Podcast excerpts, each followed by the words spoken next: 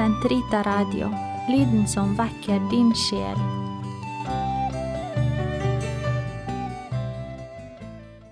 Den katolske kirkes katekisme, uke 35, tirsdag, 6,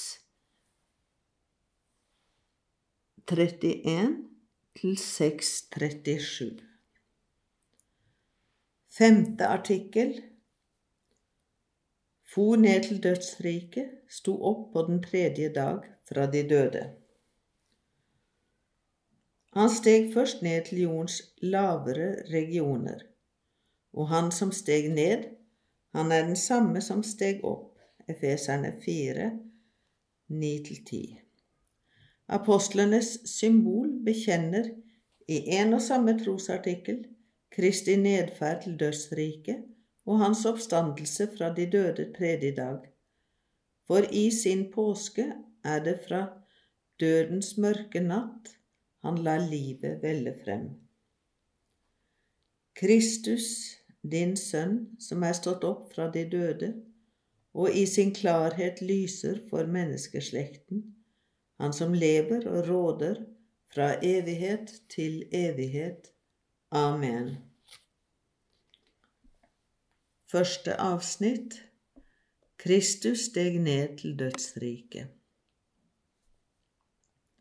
De mange stedene i Det nye testamentet som sier at Jesus er oppstått fra de døde, apostelgjerningene 3.15, romerne 8.11, første kor 15.20, forutsetter at han før oppstandelsen var i dødsriket. Dette er det første apostlenes forkynnelse la i Jesu nedferd til dødsriket. Jesus fikk kjenne døden slik som alle mennesker, og hans sjel steg ned til dem i dødsriket. Men han steg ned som frelser og forkynte det glade budskap for de ånder som der ble holdt fangne. De dødes bolig, hvor den døde Kristus steg ned, kalles Skriften dødsriket, Sheol eller Hades, fordi de som er der, ikke ser Gud. I påvente av Frelseren er dette tilfellet med alle døde, enten de er onde eller rettferdige, selv om det ikke nødvendigvis betyr at alle lider samme skjebne, slik Jesus påpeker i lignelsen om den fattige Lasarus som kommer i Abrahams fang. Det var nettopp disse hellige ånder som ventet på sin frelser i Abrahams fang. Jesus Kristus satte fri da han steg ned til dødsriket.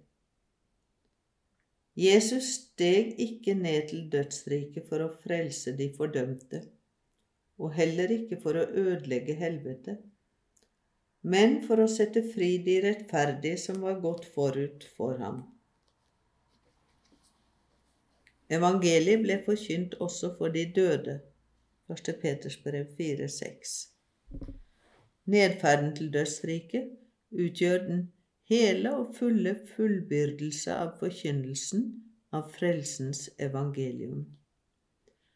Den er siste stadium i Jesu messianske sendelse en etappe som er kortfattet i tid, men veldig i betydning, fordi den innebærer at frelsesverket når frem til mennesker fra alle tider og fra alle steder, for alle de som blir frelst, får del i gjenløsningsverket.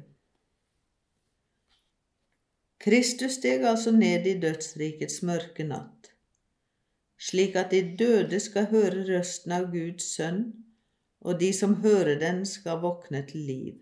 Johannes 5, 25.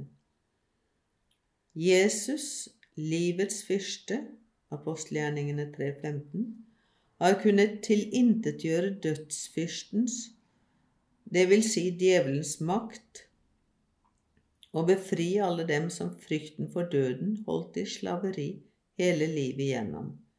Hebreerne 2, 14, 15. Fra nå av er nøklene til døden og dødsriket, åpenbaringen 1.18, i den oppstandende Kristi makt, og alle ting skal bøye kne i Jesu navn, i himmelen, på jorden og i dypet. Filipperne 2,10. En stor stillhet råder i dag over jorden, og en stor ensomhet. En stor stillhet fordi kongen sover. Jorden rystet i angst og ble stille fordi Gud sov inn i kjødet og gikk ned i søvnens rike for å vekke dem som hadde sovet i århundrer. Han går for å hente Adam, vår første far, det tapte får. Han går til alle som sitter i mørket og dødens skygge. Han går til Adam og Eva for å løse dem fra deres bånd han som både er deres Gud og deres sønn. Jeg er din Gud, og for din skyld er jeg blitt din sønn. Stå opp, du som sov, for jeg skapte deg ikke for at du skulle være her, lenket i dødsriket. Reis deg opp fra de dødes midte, for jeg er de dødes liv. Kort sagt, med uttrykket Jesus steg ned til dødsriket, bekjenner symbolet at Jesus virkelig døde, og at han ved å dø for oss har overvunnet døden og djevelen, som er dødens fyrste.